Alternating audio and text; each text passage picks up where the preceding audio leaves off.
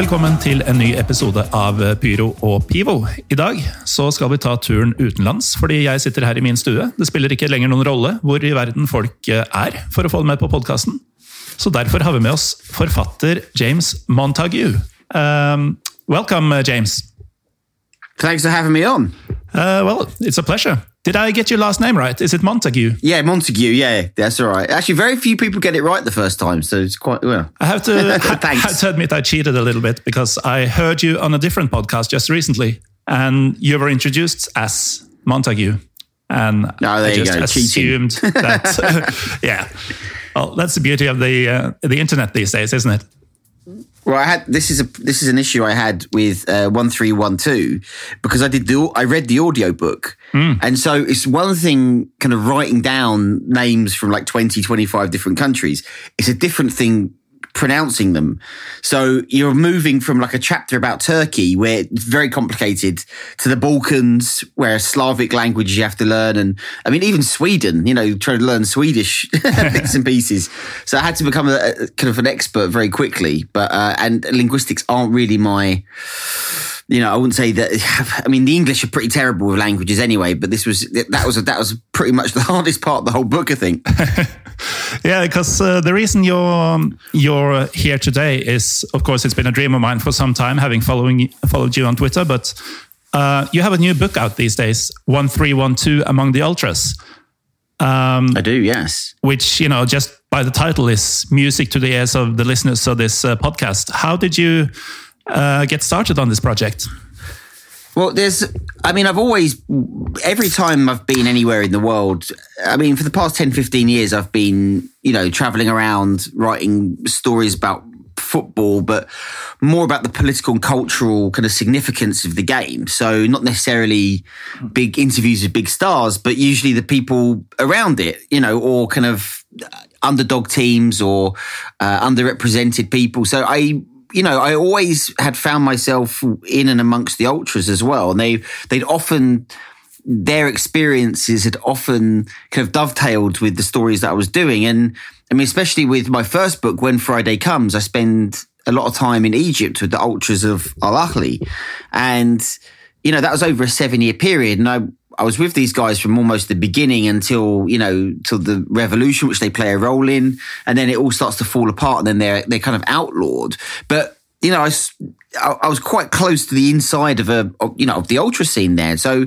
it's it's difficult as a journalist to get access, as you know. I mean, we're you know we're almost as bad as the police to, to, to most ultras, but um, you know, it was, I thought it was time to write it because there isn't much. There's quite a lot written in German. Um, there's quite a lot written in other languages, but there's not really a lot explaining the phenomenon of ultras. Yeah. Um, most people think that, especially in English, I should say, because a lot of people just think it's a synonym for hooligans, because that's what English people are used to. You know, football fans, organised football fans, or disorganised football fans. You know, being involved in hooligan violence, and a lot of that um, scene, although it doesn't really exist anymore, is still kind of eulogised. There's a whole subgenre of publishing that really um, you know, still kind of reveres the exploits of the top boys of the 80s and 90s. So I wanted to write something that, from my experience, told a different story, which is this isn't just hooliganism. This is something that is uh, very uh, well organized, deeply held, has long historical and political roots. And often, yeah, there are some major issues, you know, that, that within the ultra movement, but there's also extremely positive facets of it. And there are even times where, if the conditions are right, ultras can be a even a you know a, a, vehicle for revolutionary change. And I thought that I could now was the time where I could try and write something that told that story in a more balanced way. I thought. Well, it doesn't uh, certainly sound um, sound balanced, but um, how did you become? Uh, how did you develop your interest in the ultra culture? Well, I, I mean, I've always been attracted to the outsider. I mean, you know, the, the 31 nil, the book I wrote about the kind of the worst national teams in the world kind of showed that to a certain extent. I mean, I, you know, going around interviewing teams like American Samoa and, you know, I very much considered ultras to be, you know, outcasts, outsiders, um, you know, operating outside the law or in friction with it constantly. So whenever I was, you know, in the scene, I felt instantly a, more of a kinship towards what was going on in the curve and to the people and what they were trying to do than I did in the press box. So and especially because the way I, I, started out of my career, I didn't I didn't have a journalism uh, uh, pass or anything. I didn't have any, you know, I wasn't a member of a, a union or you know, I didn't have a you know a press ID. So I would end up going to the cheapest part of the stadium, and the people I would talk to around me were often ultras or kind of organised fan groups. But you know, and so I, I found immediately that the that was the part of the game that I felt reflected who I was a bit better than perhaps anything else. I mean, certainly I've, I've had more in common with with the ultras um, that I'd met over the years than say, you know, you know, multi-millionaire footballers or, you know, certain coaches. You know, I, I felt that these were, in a, to some extent, that sounds funny, but like these are my people. You know, this is my type of people, and um, you know, when you're when you're in that scene, it's a very seductive scene. You know, you you then want to um, show the. I mean, as a journalist, you want to show the truth, and so that does, you know, often not exposes, but it often kind of highlights some of the negative aspects of it. But also, I think you know, sh- there there are many positive things. You know, uh, the coronavirus thing at the moment is a case in point. I mean, the amount of um, ultra groups around Europe, especially who are raising funds, uh, delivering food, uh, collecting equipment and PPE, uh, sometimes being involved directly, like we saw with the Bad Blue Boys of Dinamo Zagreb, who as soon as there was an earthquake, you know, they were there at the maternity ward helping to evacuate it. Um, those are the kind of things that you don't really associate with ultras, and I wanted to make sure that you know that, that, that was you know there is a there's a strong moral element to it, and you know that that's a story that needs to be told. And especially not from the bad blue boys. I guess you wouldn't expect that. Um, yeah. But uh, as a, as a journalist, I mean, like you said, you're almost as bad as the police. Um, I tried to uh, get in with um, with the hooligans of Athletic Club in Bilbao once, and turned out with a press pass, it was so much easier than I expected. Is this uh, this distrust of the media thing? Is it just a myth? I mean, how did you gain access to all these uh, groups? No, it, it's it's well, I mean, as you know, um, it's very difficult to know who the right person is to talk to because there's many different people many you know often the especially if you want to talk to the leadership you know it's very, very difficult to get to the top, and you have to go through very many different layers, and that security is necessary because, um, you know, it's a scene that is, you know, under constant surveillance and kind of, you know, under constant threat from the authorities who fear it, and so there, there, in some respects, I could, at the very base level, I you know, as a journalist, I mean, I'd never show my press card, but but by contacting them saying, "Look, I'm doing this," I might have been able to get some kind of you know access, especially in Germany. I think where it's a bit more th- that kind of dynamic is a bit more established than say North Africa or Italy, even mm. you know, where where it's really really is a very hard and fast rule, but. What I found was that if I'd gone out on my own and just contacted people, that I wouldn't have got you know, I wouldn't have even got a third of what I did. But what I ended up doing was finding people who I'd made uh, contacts with over the years. And it was all about identifying the right person who could get you to the right people. And the most important thing I found was that it didn't really it did matter that you're a journalist but it also like what kind of journalist are you what are your credentials here you know. And I mean, Martino, I'm sure you know Martino from Copa 90, yeah. who's very much, you know, one of the main guys you know, in in the scene. And when he was helping me out, kind of um, trying to meet some pretty, you know, interesting people like Il Bocia at Atalanta, the leader of the Atalanta Ultras, and uh, Diabolik, you know, the leader of the of the Irreducibili from Lazio.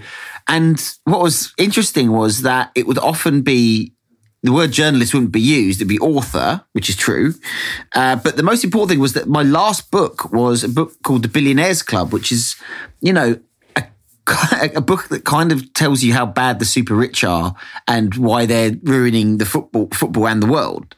And what was interesting was that that was a message and that was a kind of, uh, a kind of, uh, way of looking at the world that resonated with every single ultras group, whether it was far left or far right. In that this anti-commercialization, um, you know, uh, anti kind of modern football attitude. So it felt that all the all the kind of stars aligned, as it were, so that I'd made enough contacts. I'd most people could see I had some some kind of integrity in the scene, and um, you know, just meeting the right people at the right time. And so, yeah, they all came together, and then it meant that rather than just turning up at a curve and and seeing who I could speak to, it meant that I could meet, you know, people who are at the very top and historically significant figures. Um, and so, yeah, it, it was it it it was a it was a problem. It was definitely a problem, um, and there was a lot of mistrust, and there's a lot of doors that were closed to me as well. I mean, f- from the book, I mean, it, you know, I, I got I got pretty good access to a lot of people, but there was also you know dozens of other stories that I couldn't follow because you know all doors were were shut, and and there's a I mean there's a story in Morocco where you know, because probably North Africa, certainly kind of Algeria, Tunisia, um, and especially Morocco, has you know potentially probably the best pyro and choreography in the world right now.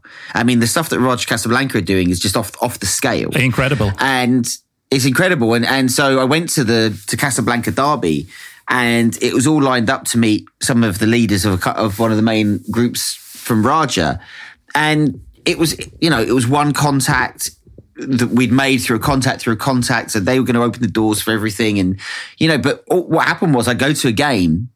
Uh, a game before the derby, it was actually a, a league game, but it wasn't against Wydad. And the, uh, you know, basically I get collared by the police and I get seen to be collared by the police and they're under such surveillance by the police because they're seen as a, you know, a, an entity in society that is very anti-government that as soon as that incident happened, uh, like that was it. All communications was were, were, broken with me, and they didn't reply to any other messages. So it was a trip that I made where I did where I, I wrote about it only because to show how tenuous that that line is and how difficult it can be at times. Absolutely. Um, so this is your uh, fourth book on football, and I guess you've been traveling the world for for all of them. Uh, we spoke a little bit before um, before going on air that uh, you, you, have a daughter downstairs. How does uh, yeah. family life uh, go along with uh, putting yourself into into dangerous uh, places and dangerous people? Well, um, my daughter is a relatively re- she's four, so it's a relatively recent thing. So, um, I mean, the last book, The Billionaires Club, I thought that was going to be fairly you know, I thought that because it's about finance and it did involve a lot of travel, travel. So I thought you know, that's going to be a bit easier and actually brought her with me for a couple of trips. I mean, me and my partner came to, when I went to the US, then she came with me to the US and then uh, Thailand, and I went to Thailand.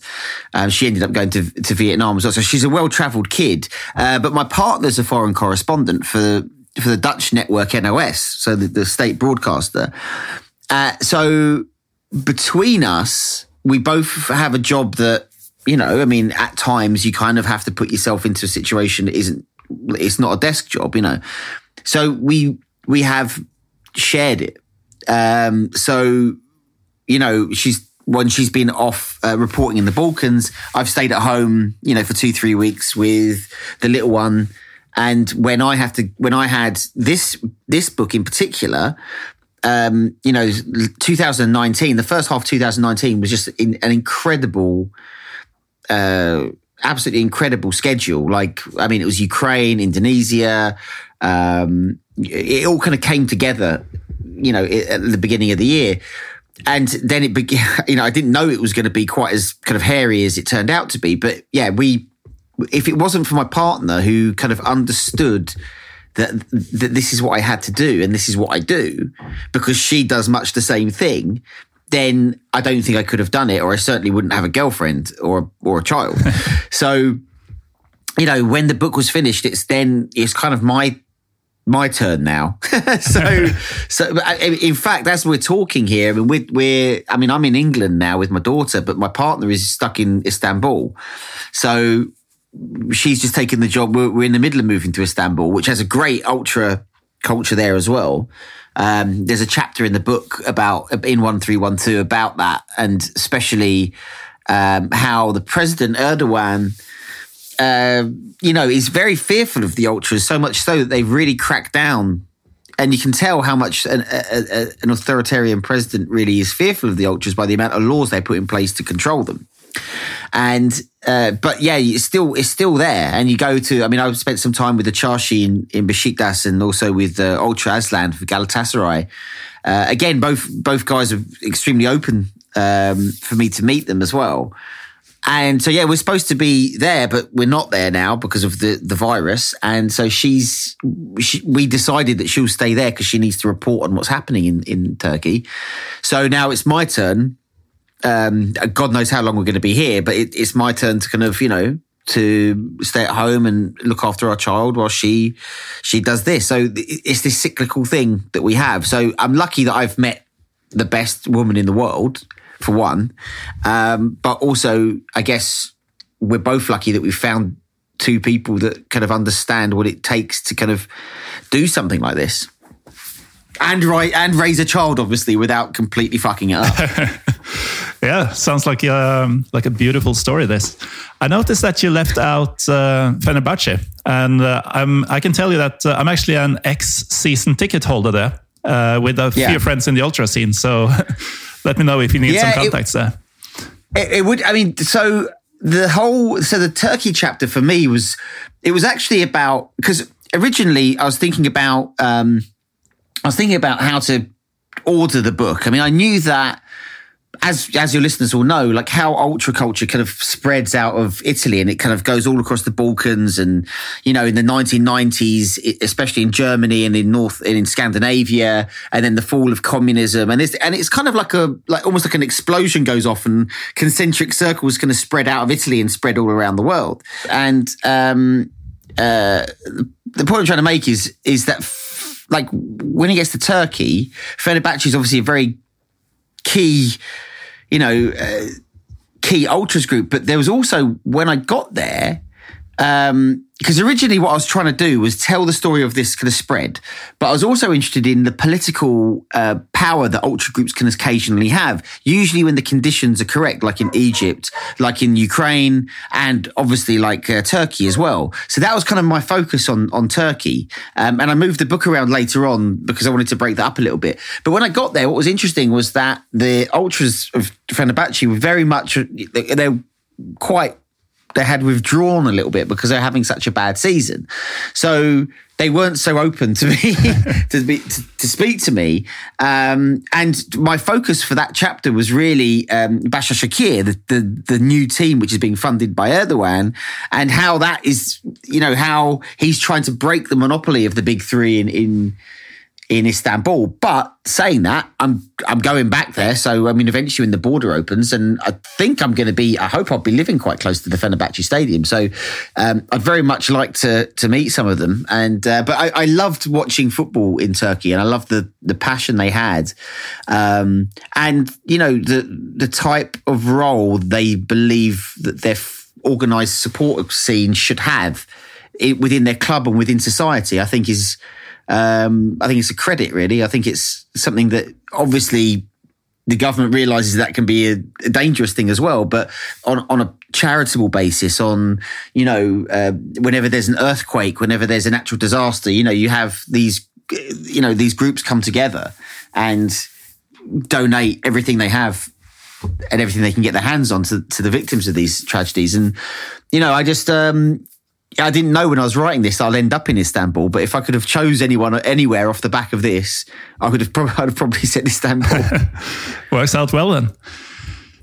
Um, you you have uh, touched this, um, you touched by this, but um, uh, ultras is you know um, a group of outsiders, not necessarily afraid of breaking the law or being in opposition to the to the rulers. Um, would you say that the ultras' natural defiance is um, key to political changes? I mean, you mentioned both the Ukraine and uh, Egypt, and I'd say it was a reasonable attempt by the ultras in Istanbul during the Gezi protests in 2013 yeah. as well.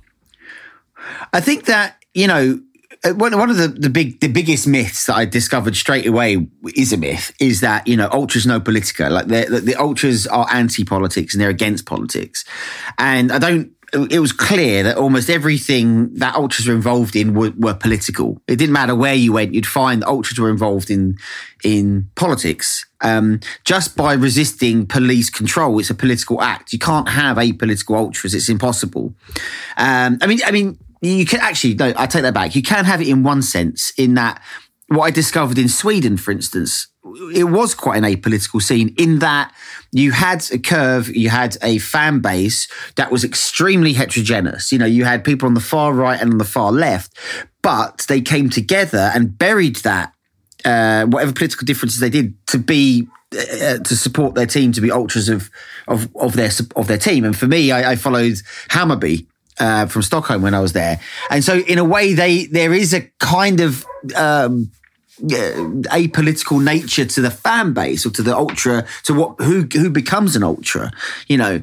But saying that, you know, the the big battle in uh, the Swedish fan scene at the moment is the crackdown that's going on by the police on what they've what they've been going. I mean, I, am sure your listeners, many of them have been to a Swedish league game, and to be honest, I think it's one of the best fan experiences you can have.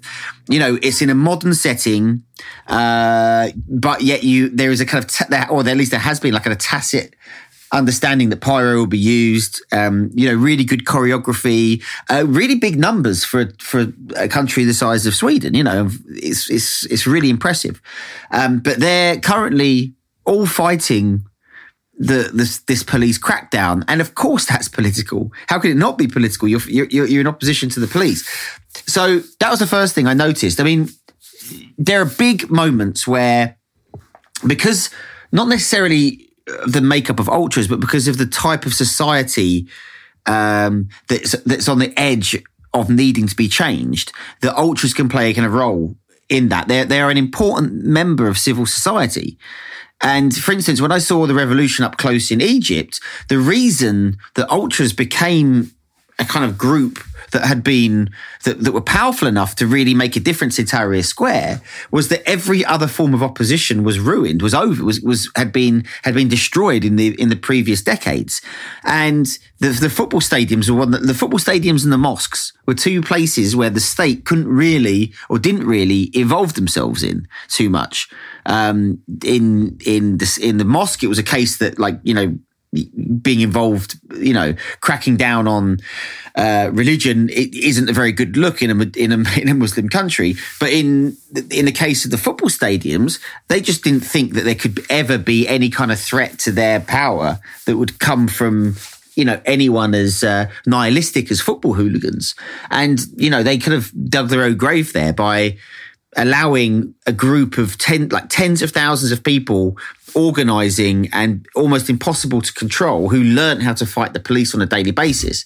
Um, and Ukraine was another example where the conditions were right for the kind of skills and the kind of organization that ultras were, which were, which are people who know how to fight the police, or certainly some aspects of it.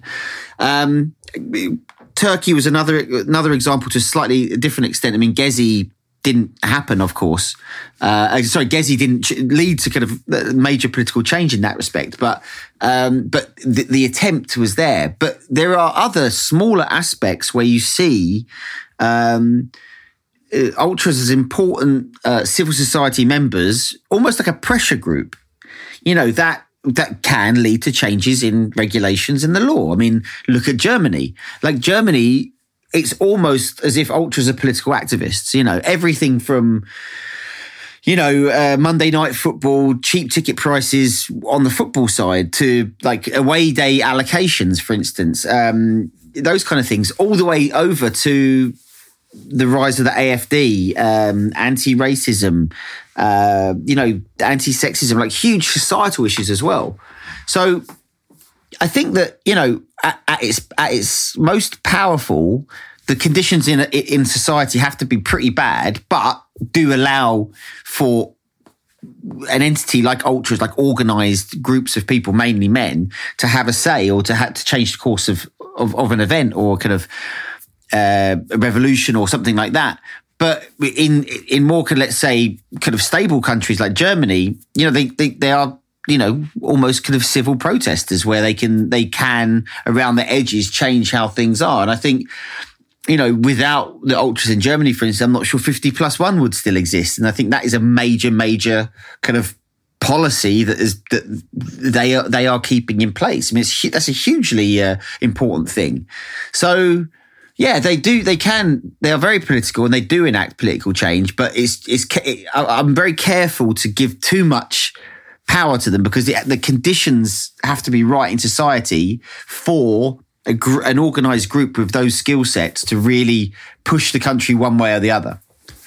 Here in Norway, we have this strong mainstream understanding that football and politics uh, shouldn't and doesn't uh, mix. How how naive is that? Do you think? On a scale of one to 10, 11. I mean, it's just it's just it's mad, isn't it? I mean, pe- people who often say that like politics and this shouldn't shouldn't mix often just mean I don't like the politics, so I'm going to ignore it. I mean, the fact is, it does mix. Um, uh, politicians are, I mean, a- another aspect of this is also the fact that politicians often um, you know, uh, use ultras as well. I mean, they need ultras. I mean, if you look at what's happening with the rise of illiberal democracy in Eastern Europe, you know, the guys who were the kind of the the the, the engine of protests when you know you had these ultra nationalists um, and kind of. Uh, figures in Poland and, and, Hungary in particular, when these when those political figures are on the outside, you know their core constituency were the type of people that would turn up to to political protests with flares and banners because they've just been at a Ferencvaros game or, you know, they they were their their core constituency. And in Balkans, in the Balkans in particular, it's even um, it's more of a kind of explicit link as well, where you know, I mean, I had found this in Macedonia, North Macedonia, and in in Serbia as well, which is you know, groups have often been co-opted by people in power or people who want to be in power to try to, you know, uh, enact protests against the opposition or, you know, to protest against the recognition of Kosovo, all these kind of things. And they're often, they're often paid to do so. So, you know, the idea that there is no politics in football, sport is separate. I mean, it's like saying there's no politics in art or there's no politics in music. You know, football and football fandom, and especially, is a reflection of society in the same way that music is a, section, a reflection of certain part of society. That art is a reflection of, of a certain part of society, or whoever is is making that art. And so, football is no different. In fact, I think it is different in one respect, which is it's a bit. I suppose if you looked at all the kind of bands of a certain genre around the world, right? And and reflected on their art as some ways a reflection of the societies they came from, then that, that might be a good comparison. But football is everywhere. Football is pretty much the biggest sport everywhere as well, apart from a few notable exceptions. So as a way of uh, looking at the world and and trying to and trying to decipher it in some way, you know, football is a is a, is I can't think of a better single lens to, to, to look at it through. As, as certainly as certainly to start with and there are some great writers that really turned me on to that way of thinking like people like David Goldblatt for instance. I mean Simon Kuper back in the day when he wrote uh, Football Against the Enemy as well. You know it's it's just it's just something that um, just it just proves that when people say, I mean, honestly, if somebody says keep football and politics separate or sport and politics separate, I just I, I switch off because it's just it's idiotic. I mean, you've spent some quite some time in the Balkans, and um, in Belgrade there was a direct link between the Red Star supporters Delije and um, Arkan's militia. And um, also in the Middle East, you've you've spent a lot of time there as well. I'm not even going to get started on the famously nationalistic, racist uh, fans of uh, Beitar Jerusalem. But um, yeah, yeah, I actually saw them against Hapoel Tel Aviv, knowing nothing about um, Hapoel and they showed up, you know, with the, their club emblem having what I saw as communist symbols on it. So that was yeah.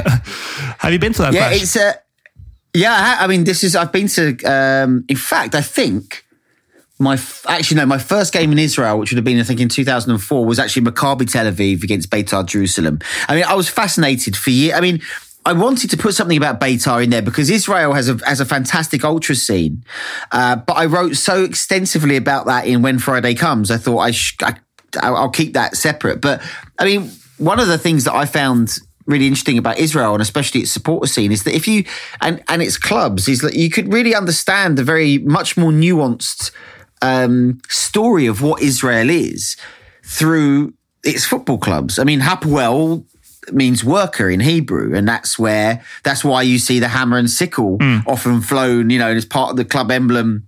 Uh, and uh, you know, almost every city has a Hapoel club and a Maccabi club, which is much more of the middle classes. And Beitar is a team that is with the kind of religious right. And then you have the the Arabs in Israel, which make up twenty percent of the population, and they have their team. One of them, in particular, Bnei Sakhnin. Um, there's been documentaries about them, and and very interesting documentary about Beitar called Forever Pure as well, which I recommend people watch. Um, but yeah, it was when you saw those games, and bearing in mind my experience, my initial experience was in the Middle East. Um, you know, I often found that the the most dangerous fault line, most people will try to ignore like the big issues in the country. I mean, they're always bubbling away, but the fault line would be ripped open in the weekend where the where these rivalries would play out, whether it was left or right, Arab versus Jew, um, often Ashkenazim versus Mizrahim as well, which is another uh, dynamic within Israeli society as well, which I learned through through understanding football rivalries, and so. Um, yeah, it's it's it, it, I mean, I, I really hope this is over soon because I'm really hankering to go back because the Bloomfield Stadium has just been renovated, and I want to go back and see that in Tel Aviv.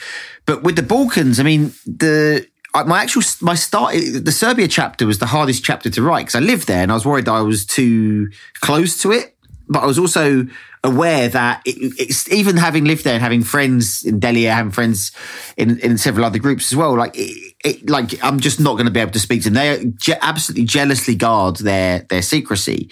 But what I was aware of was the you know the fact that Arkan is a very integral figure in the Delije's history, but he wasn't the founder of the Delije. And I think what they what, what the story I wanted to, to tell was that fan culture and ultra culture in, in the Balkans and especially in Serbia and former Yugoslavia, um, actually, it, it, although it is some of the first uh, kind of public displays of uh, republic ethno nationalism that exists after Tito's death in the 1980s, actually, a lot of it emerges out of kind of counterculture. It, it, evolves out of kind of punk music. It evolves out of like this outsider uh, status that is seen in in punk music and English hooliganism, which is trying to be replicated and. It, it turns into something that is, you know, then exploited by politicians. And again, you know, Arkan does become the, the, head of the Delije and does recruit from them t- to be in his, um, you know, in his Tigers, which are one of the most bloodthirsty thirsty militias of the war, or one of the wars anyway. Um, but there was there was there was a huge story that was underneath that before he even got there, and that was what that was a story I, I really wanted to tell tell about about the Balkans, really. I uh, wanted to ask you again um, about the Middle East because uh, you mentioned a derby in Jordan uh, between a Palestinian club and a Hashemite club. And uh, I was there just a few months ago, um, well, six months ago now. Uh, the, yeah. the, league was cancelled altogether, so I didn't get to see any um, national football. I was, I had to settle for a friendly uh, between the Jordanian national team and Singapore in the rain, and it was nil nil. Uh, Why was it cancelled? Uh, apparently, there was a dispute between the FA and the clubs uh, regarding money, so they just didn't play right. football. Uh, right. How, uh, what did I miss out on? How big is this? I, I mean, I would say that, like I, I, mentioned, like Middle Eastern rivalries felt like, and, and uh, you know, you get this a lot with places that, are, especially post-conflict societies, you know. Um, so you know, if if Dinamo Zagreb play Red Star Belgrade anytime soon in a in the Champions League, for instance, you know, it will all, you know, it, it will be more than just a football match. It, a lot of old stuff will be dragged up because it doesn't happen very often. And with the Middle East, it was it was it was much the same. It was like when the, when a derby takes place, it wasn't just a derby; it was something that is often covered up, and then it kind of explodes to the to the surface. Apologies. Bless you. Um, get some water. Um,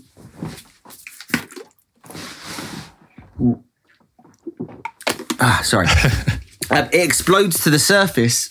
Um, you know, during these matches, and, and one of the most interesting dynamics in in society. I mean, I, I went and visited Wehdat, which is the it's the team. It comes from the, the eponymous refugee camp in uh, uh, just outside of Amman, and you think of refugee camps as places that are kind of temporary, uh, places that are, you know, I mean, they're tent cities, right? But over waves of uh, immigration um, or forced, you know, repatriation in a way from um, uh, from Israel 48 onwards, there have been several waves of mass mass numbers of Palestinians who have kind of come into into Jordan, and those refugee camps aren't tents; they're cities. They've been they're, they're permanent, and their permanence is a is a symbol of the permanence of of the conflict.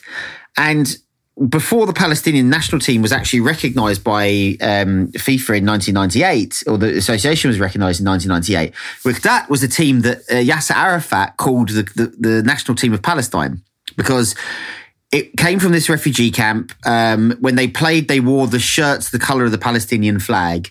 And so they were they were a symbol and, a, and a, a, an important representative of, of Palestinian identity. Now the problem is is that within Jordanian society, uh, the Palestinians, I mean, no one really knows for sure, but it could be as much as 80% of the population could be Palestinian, uh, rather than Hash, like the original Hashemite tribe uh, Jordanian who dominate, of course, the royal family, but as well as the army and the police and all the, all the key uh, state institutions. And you have to remember in the 1970s, the PLO um, almost almost took over the country and had to be expelled to Lebanon. So this is a fraught relationship. And so, but you're not allowed to talk about it in any way. You're not publicly because it's such a taboo. Um, it, you know, one of the big things is that the current king married um, a, a, Palestinian. So uh, Queen Rania of Jordan is Palestinian, and I mean, I mean, I'm sure he married her for many other reasons. I mean, she's an incredibly beautiful, intelligent, um, and uh, you know, ambitious woman.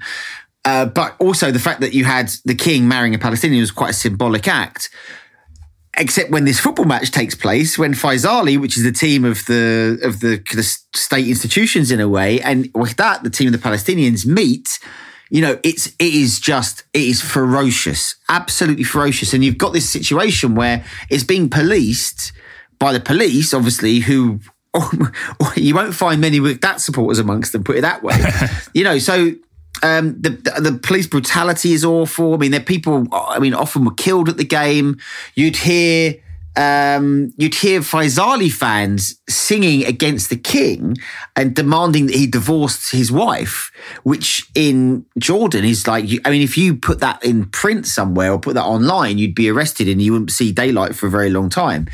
So it's it's a dynamic in Jordanian society which it, it, which is you know it's not spoken about in Jordan often, but when this game takes place, it kind of all bubbles to the surface. So some of the most violent and heated games I've ever seen, even though the numbers, I mean, the stadiums aren't that big, so maximum, you know, maybe 20, 25,000 people, but it, it, it you know, it really kicks off.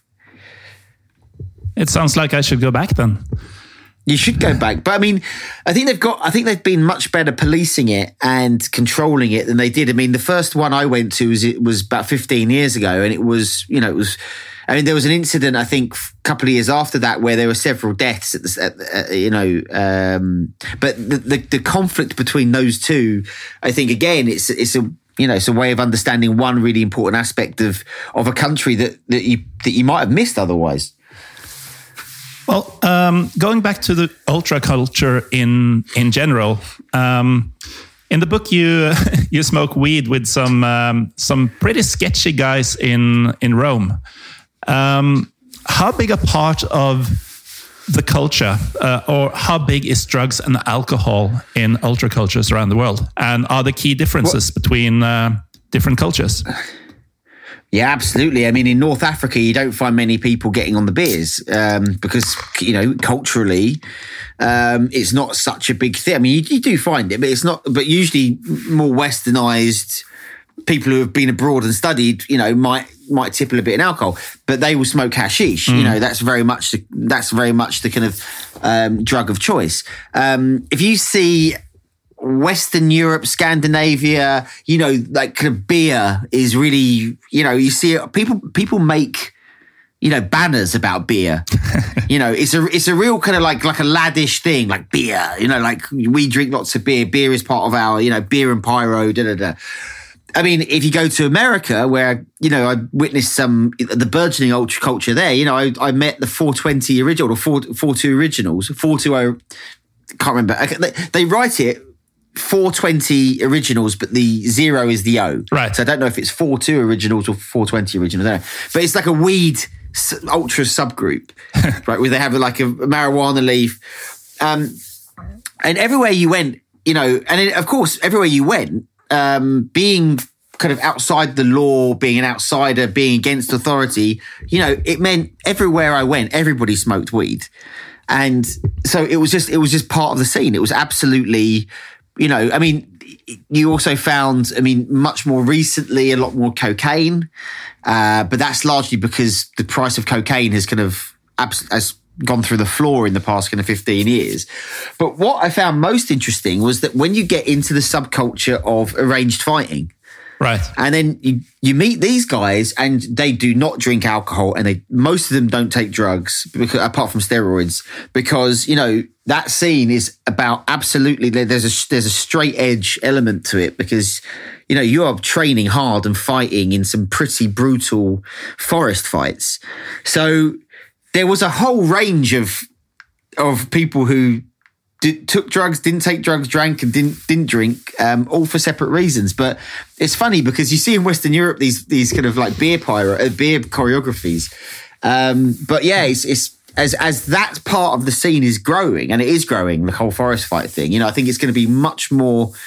And it, like we're talking about how the curve and football in general reflects society. One of the things that's really interesting about young people is that young people are drinking less uh, and are less likely uh, to take drugs than their predecessors would have been. And I think that is will be reflected in the future fan culture as well, especially as arranged fighting becomes a much bigger part of it. I remember quite a few years ago, Danny Dyer did this, um, uh, the real football factories, and he went to Poland. Yeah. And the Polish hooligans he met there, they um, thought the English hooligans were soft because um, when the English went to the pubs, they went to the gym and to martial arts training. Yeah. Yeah, I mean that's absolutely right, and you could see.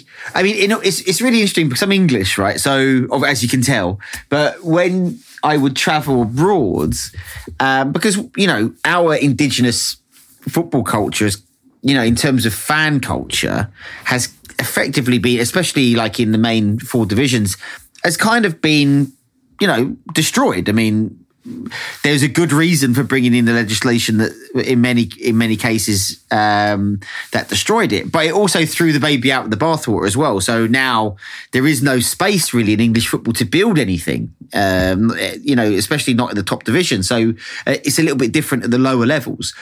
Um, but we what we see everywhere i went is that English hooliganism and English fan culture of the 70s and 80s is still, I mean, it, ha- it had a huge influence on Italian ultras um, and ultras everywhere around the world to the point where, eh, you know, I mean, I remember, I think I was, I think I wrote this in the book, which is like Green Street Hooligans is, is probably the most influential British film of the 21st century. Like the amount of people I've met, almost every group I went anywhere in the world, they love Green Street Hooligans, you know, and so people could have revered that past, but if they they then look at kind of what English hooliganism is today or what English fan culture is today, um, and they're kind of they're, they're kind of bitterly disappointed. And there's no better example of that than Marseille at the European Championships in 2016, where you saw the kind of you know like the kind of completely you know almost like soldiers. The Russian uh, ultras were like soldiers uh, try like they they they knew when to attack. They, some of them had weapons, but they were they were ripped. They were hench, and the guys they're up against were old, fat, bald men living on past glories. and so that was very much a kind of like a that's that's when it kind of sw- switched over. You know, that's when you know th- that is the future of that scene, whereas the English were very much in the past. Yeah, I mean the Green Street movie and also Football Factories. Um, I'm sure you know that uh, Scandinavians have a big heart for for English football, but uh, Yeah. those movies have been influential enough to change the way we talk about going to away games because we actually uh, a lot of Norwegian fans now they uh, talk about going to uh, you know Rosenborg away in English, Rosenborg away, even though we have a perfectly good word for for a aways in our own language. Wh- What's what's the Norwegian for away? Borte. Butter. Yeah. Butter. Yeah. Brit- Rosenborg. Butter. Okay. Yeah. Well, I mean, you know, eh, the the language of, I mean, language is really important. I mean, everywhere that I went, the, the Italian terminology from the ultra scene was abs- was prevalent everywhere, right? Even the use of the word choreografia, tifo, tifosi, capo, capo tifosi, Yeah. um, Brigata, curva, curva nord, curva. I mean, you know, these things are, you know, this obviously come from the Italian. But what was amazing was also how much English um, language and English symbolism was also part of it as well. So when I went to Indonesia, um, you know, the amount of like British Railways signs I saw, because that was a sign that the ICF used to wear, the intercity firm of West Ham United, uh, my team, uh, they used to have that that symbol because they used to use the intercity British Railways train to get to places. So they named themselves after that. And you'd see that, and you'd see away days written in English. You'd see Union Jacks uh, you know, Union Jacks with like Jakarta written over the middle of it. Um, people would talk about mobs. They'd be wearing clobber. You know, um, Top Boy would be the, the main the main guy of an organization. So yeah, it, it's it's crazy how this this scene in England, which is you know doesn't exist anymore. And it, but it lives on. It lives on in Norway, and it lives on in Indonesia, and it lives on in in Morocco. You know, it's it, uh, even in uh, the west coast of America. They went LAFC.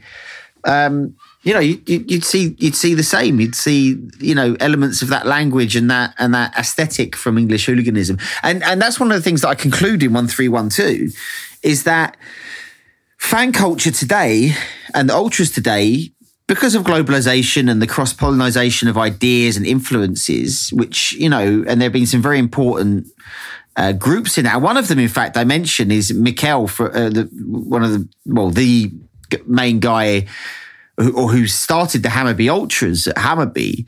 You know, people like him who spread pictures of teeth with the obsession with fan culture and spreading literally physical pictures with pen pals all across Europe, swapping those ideas, which then get kind of practice, and some of them would be would fuck up, and they'd practice again, and they'd perfect it, and bringing that something was completely alien to to Swedish terraces. You know that kind of globalization has today, when you look at what ultras are, they're kind of a mixture of, of everything. They're a mixture of Torcida in Brazil, Barras Bravas in Argentina, English hooligans. I mean, the, the biggest influence is obviously Italian ultras because that's that's the that's what you know that's the the sight and sound of the of the terraces in many cases, the use of pyro in that kind of way. So yeah, it's it's it's a it's a yeah, it's a mixture of all of it now when you look at it, I think. Uh, you know, and of course with this extremely violent subculture of, of the arranged forest fighting as well, arranged fighting, which I think is the is the thing to watch for in the future because that's going to get um, even bigger and bigger and bigger. I'm not sure how long that can stay under the radar because it, it does do a very good job of staying under the radar. Um, but yeah, it's it, it's kind of frightening knowing how many people get involved in that on a kind of on a week by week basis. Yeah, I mean, you go to a football match and you assume that people are there to watch the football, but then they've all been brawling in the forest beforehand. Yeah, I mean, there's, I mean, it was. This is a, an issue that had always I'd, I'd considered all the way through. It was like how much of ultra culture was football and how much of it was somebody looking for belonging. And I often found with a lot of the leaders is that they didn't, you know, they they you know, they, they weren't that that into football. You know, it was just a this is a vehicle for whatever it is that they wanted to find. Um, but also, I mean, I did find, you know, like for instance, in Ukraine, there are several of the leading firms involved in the arranged fighting scene that don't have football clubs anymore because the football's gone out of business. But the clubs, the firms have kept going. So the firm is, in some cases, the only physical memory left of the club, you know, that still kind of carries that brand. Um, so yeah, it's a, uh, yeah, it's a, quite a I, I, we're going to hear more about the, arranged fighting scene. I think. I mean, there was even some some guy in America trying to like see whether they could turn it into a into some kind of pay pay TV kind of sporting event, which uh, which I imagine that the football clubs would be go go ape shit if they saw their their like oh here's here's the firm for West Ham United against CSKA Moscow or something. you know, they'd be like what the fuck like get like there'd be within thirty seconds of that being on television there'd be a fucking legal team on the set to shut it down. yeah, I mean especially using the. Um you can be smart about that because I guess the trademark would be West Ham United Football Club or something like that. So if you just say the firm of West Ham, you should be fine. Well, you can because there's a place called West Ham, and I mean, yeah. you'd have to probably be a bit clever in that. I mean, you'd have to take your, uh, probably have to do what uh, Pro Evo did, you know, yeah. uh, ten years ago when they couldn't use any of the proper names, so you could just do like a Pro Evo type thing. Yeah, here's East London against uh, yeah. Moscow Army. Yeah, yeah, yeah. Yeah, sounds about right. You know what's bizarre about uh, the the fighting scene in Norway is still uh, quite small, but um, you said it wasn't always about the football for these people. And I know uh, with my club, Lillestrøm, uh, I know at least two examples of people who have uh, fought for for the Lillestrøm firm uh, who used to support other clubs. Yeah, that doesn't surprise me. I mean, I was quite when I met the, the firm of Hammarby, for instance, there was a very strong link between that and between Hammarby and uh, and and uh, like watching the football at the football club, and I mean also and also you know ice hockey and bandy as well. You know, like you know, but the, you know there was still like a big connection to all of that. But yeah, it's not unusual to find fighters moving between clubs and uh, I mean there's there's a, story right now. I mean it's nothing there's no there's no arranged fighting scene really in the Balkans. Um, and it was explained to me the other week uh, before this shutdown happened, I went out with some Serbian friends, and it was explained to me. I mean, one one group of Serbian friends said there's no arranged fighting scene because I mean we've kind of already had an arranged fight, and that's a war. uh, the second one, the second one was that uh, they tried it once between uh, Red Star, uh, between Delije and Grobari of, of Partizan, but uh, there was so little trust between each side because it involved the arrangement. I mean, it, it involves like certain rules and norms. You know, like you're you're fighting the same numbers. You're fighting uh, like when somebody's knocked out, you stop. Like there's a there's a code, a very strict code of conduct. Yeah, and uh, they they couldn't trust each other. They had one, I think, I was told, and it was an absolute disaster. I think somebody might have even been killed in it, but there was it just it just you know all bets are off, and so they just said right we we cannot have this. We can't have this arranged fighting because um, we can't really agree on the rules uh, the rules of the conflict. So. Um, but you know, again, uh, another thing that I discovered there was that you'd have uh, capos, leaders of, of like fan groups within Partizan, for instance, you know, had had once been Zvezda fans, um, or that was the accusation, and they'd been um, potentially placed there by people close to the government because they wanted to control what was being sung on the terraces.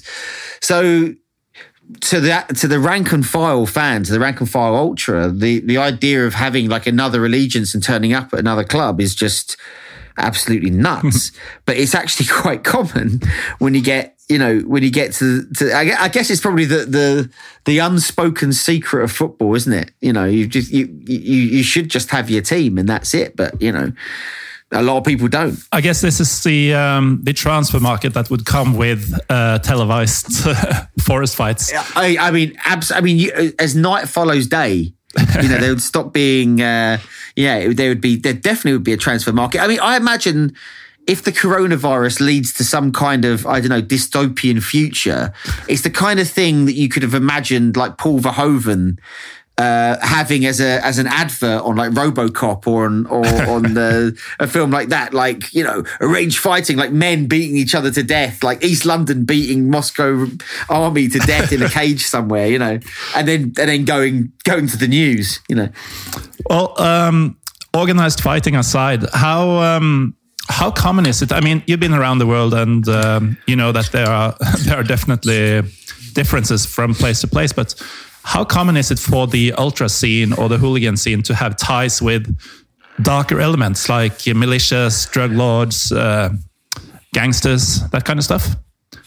Well, I think that it's. I mean, it's it's quite common, but I mean, not not in the, not necessarily all. I mean, it's all bad, I suppose, but I mean, you're you're an organisation or you're you're a collection of people that that are living outside or trying to live outside of a certain type of control.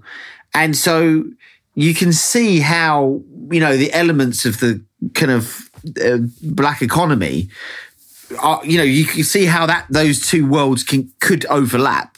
And, and they often do overlap. Um, the issue, I think, is when uh, you know, and certainly this is the case in the Balkans, and certainly this is the case in South America, especially the Barras Bravas, you know, is that you do get, you know, enterprising people who realize the worth of having a strong army, urban army of like a few thousand people and what you can achieve with that. And, you know, we see that with the Barra of uh, of uh, Boca La Doce, and you see it with you know other barras all across Argentina and Colombia as well. Is that you know if if you need someone dealt with, this is a useful this is a useful tool to have in your in your locker. Politicians use it, unions use it, and so there is there are connections. Um, and I know that for for most people, they are they kind of appalled by that, appalled that that these groups kind of do that because it's it's antith- you know it's the antithesis of what being an ultra is. Um, you know, so you, you do see it, but I think it's a not a natural product, but I think it's a kind of at least explainable product, uh, explainable uh, outcome when you do have you know people who are, who are trying to live outside the law. This this world is you know it, it will rub up against other other people that live outside the law as well. So James, I um, I had done my um, my fair share of um, research for this episode. And I learned that you yourself have been arrested quite a bit. Yeah. How, what did, kind of research did you do? Did you did you go through kind of did, old records or something like? Did did your experiences as uh, let's say former delinquent help you out in any ways uh, during the the hairier uh, experiences that you had uh, uh, working with this book? Um, I mean, I think so. from when I was a young, like, I mean, quite young, I mean, like, you know, from 11 onwards, I was kind of almost constantly in trouble with the police. Um, I mean, this information is from The Guardian online, so it's not. Uh... Yeah, yeah, yeah. So, I mean, I think, yeah, they, well, it's in the book. I mean, yeah. I mentioned it, but from about 11 to 16, I was in constant con- conflict with the police and uh, getting expelled from school, uh, you know, so, and it was something that uh, you, you, I grew out of really because I knew that the kind of it wasn't really that you grow out of it. It's just that you, maybe it is partly growing up, but you realize that the consequences of your actions are having such a large effect on the people around you that you love. So you become less selfish about, about that and, and, and you, and you change because you realize that you have to. And, you know, I was really in danger of going down a path that would led me somewhere that wasn't very good.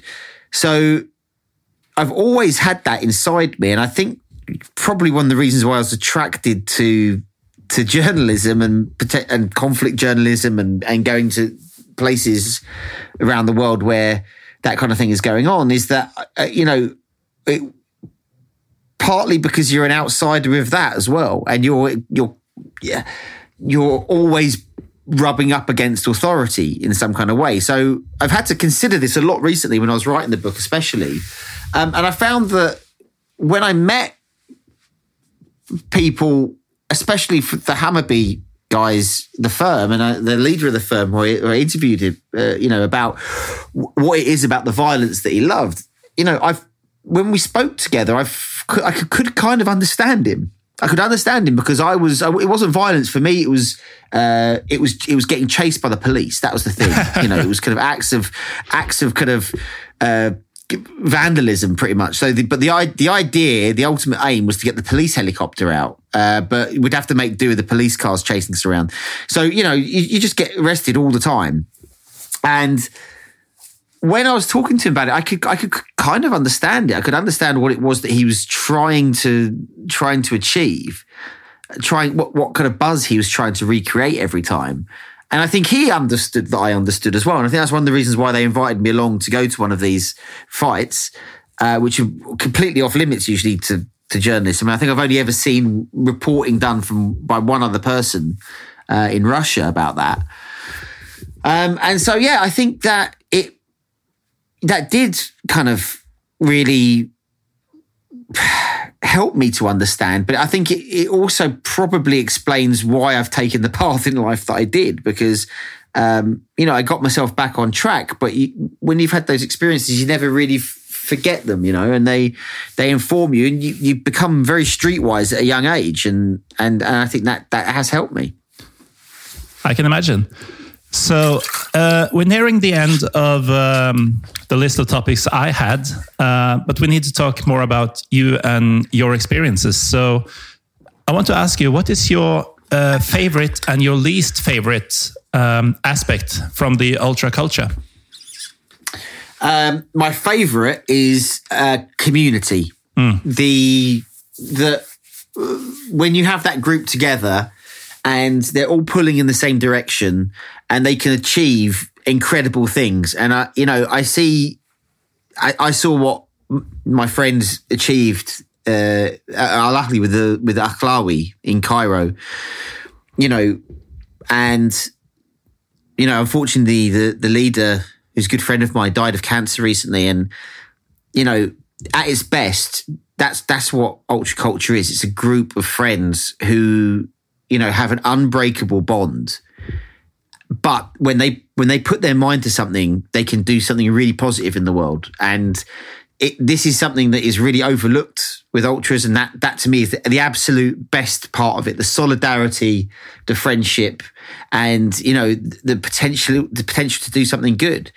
Um, and then the worst part of it for me is the is the racism, mm. is the is the absolute uh, uh, prejudice that you find in some some curves around the world, and it's there, and you and you can't, you can't deny it. But you know that is very very difficult uh, to be around and to hear, and you know especially the growing kind of presence of the far right and the use of you know swastikas and, and Nazi salutes. These kind of, I mean, I mean, it's everywhere. Me, that is absolutely abhorrent. It's everywhere, and but it's it's really prevalent, especially in Eastern Europe. I mean, that's when I, that's where you really noticed it coming out. I mean, um, in, in, the Balkans, it's not. It's a bit more complicated. The left-right spectrum doesn't really work in the same way, but it's certainly kind of ultra nationalist. You know, I, so you know, I understand the ethos of the scene, but when it kind of spills over into kind of honoring a war criminal or you know monkey chance against a black player which you see often in eastern europe. And, and i mean not just in eastern europe i mean you, you often you know almost everywhere these days. It's that that's the hardest part of it because um you know I just it there, there shouldn't really be a place for it. But it's also a scene that you, you can't tell people to to not do something because they'll just do it more. So it's something not that you have to accept, but you know, the society underneath it has to change, and then that would change. But I find that the hardest, the hardest aspect of it. Absolutely, and when you say that's more common in uh, Eastern Europe, I mean, it's one of my favorite parts in the world to travel, uh, be it the Balkans or just former Soviet republics or or whatnot. But three times uh, during the last couple of years, I've met uh, Belarusians or Polish people or Ukrainians uh, hearing I'm Norwegian, and the first thing that comes to their mind is, you know, saluting uh, mass murderer, terrorist Anders Behring Breivik. Yeah, yeah, yeah. I mean, look, I'm Polish, or my family's, my mum's Polish, you know, and I mean, I'm Polish, I'm Polish citizen as well, but um, it's it's really difficult for me to see a country that was destroyed by the Nazis embracing embracing the same ideology. It's very hard for me, and it's it's one of the things that you've has been exploited and flame and has been you know because in, in some respects, I mean, what's happened in Eastern Europe in the past 25 years is incredible. I mean, it's an economic miracle. Um, I mean, I'm certainly in terms of kind of Poland, Czech Republic, Slovakia, Hungary, to a lesser extent, Bulgaria and Romania, but um, it's it, you know it's, it's absolutely incredible the economic strides that place has made. But these were countries that didn't have any kind of idea of outsiders or outside influence for such a long period of time. And so that fear of people of different races, different religions, um, has been fanned by successive generations of, of opportunistic politicians. And it's, and it's created this, you know, I think we haven't even begun to see how uh, dangerous those countries could be politically to come. I think there's a there's mm. a there's a huge amount of right wing political extremism bubbling around, and you know I touch on this in Ukraine in one three one two in that you know a lot of the ideas, you know, a lot of the far right ideas have been kind of have been kind of almost internalized in Ukraine, and it's mad. They'll say, and rightly, I think a lot of people like, but look, I mean, that the, these far right parties don't get five percent in the election anymore, so we don't have a problem, mm. and it's it's not about that. I mean, it's about how far everybody else has adopted those ideas, and and so I think there there could be a there could be a real reckoning to come. These are ominous words, James. Sorry to end on a downer. well, we're not finished quite yet because. Um, oh, okay, okay. We um, oh we actually did an episode on on Poland just a couple of weeks ago. Uh, it's in Norwegian, but for my Norwegian listeners, uh, it's still out there if you haven't heard it. Um, but um, we like to travel, James. Uh, me and the listeners and my guests, and obviously uh, you like to. Um, where would you say when this Corona hell um, is over, the borders open up, uh, football is played again in front of audiences? Where does one need to go to get a proper and unique experience? I mean, I would, all, I would always say go go to Morocco go to Casablanca, go to watch Raja Casablanca play. If you can, a home game against Wydad. Um, you know, they're playing back at their stadium, the Mohammed V Stadium now. So it, that would be that that's that's really the game. That's where in North Africa, especially the, the like we mentioned earlier, the pyro choreography. Mm. Um, you know, it's still it's still not a sanitized environment. So uh, in terms of the, the stadium environment, so it is it's proper for it's proper it's a proper experience. You i mean people would love that. Um, you know i went to watch buenos aires uh, went to buenos aires to watch boca juniors play.